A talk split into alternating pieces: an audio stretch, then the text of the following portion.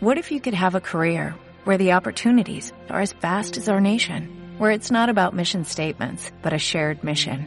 At U.S. Customs and Border Protection, we go beyond to protect more than borders, from ship to shore, air to ground, cities to local communities. CBP agents and officers are keeping people safe.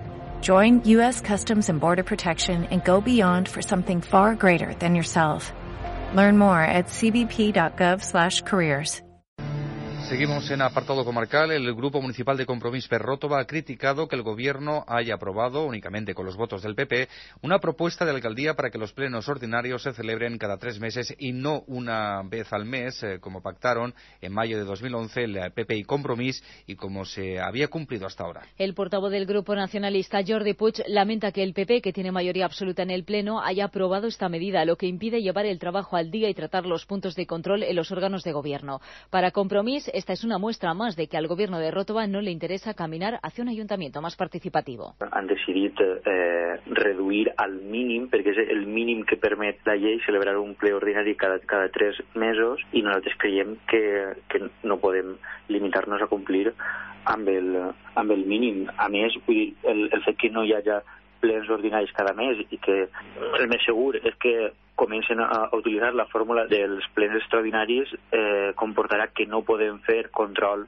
als òrgans de govern, que no podem presentar punts de l'ordre del dia i, eh, per tant, no hi haurà pregs i preguntes tampoc i, per tant, limitarà també aquest control i aquesta aportació per part de tots els grups.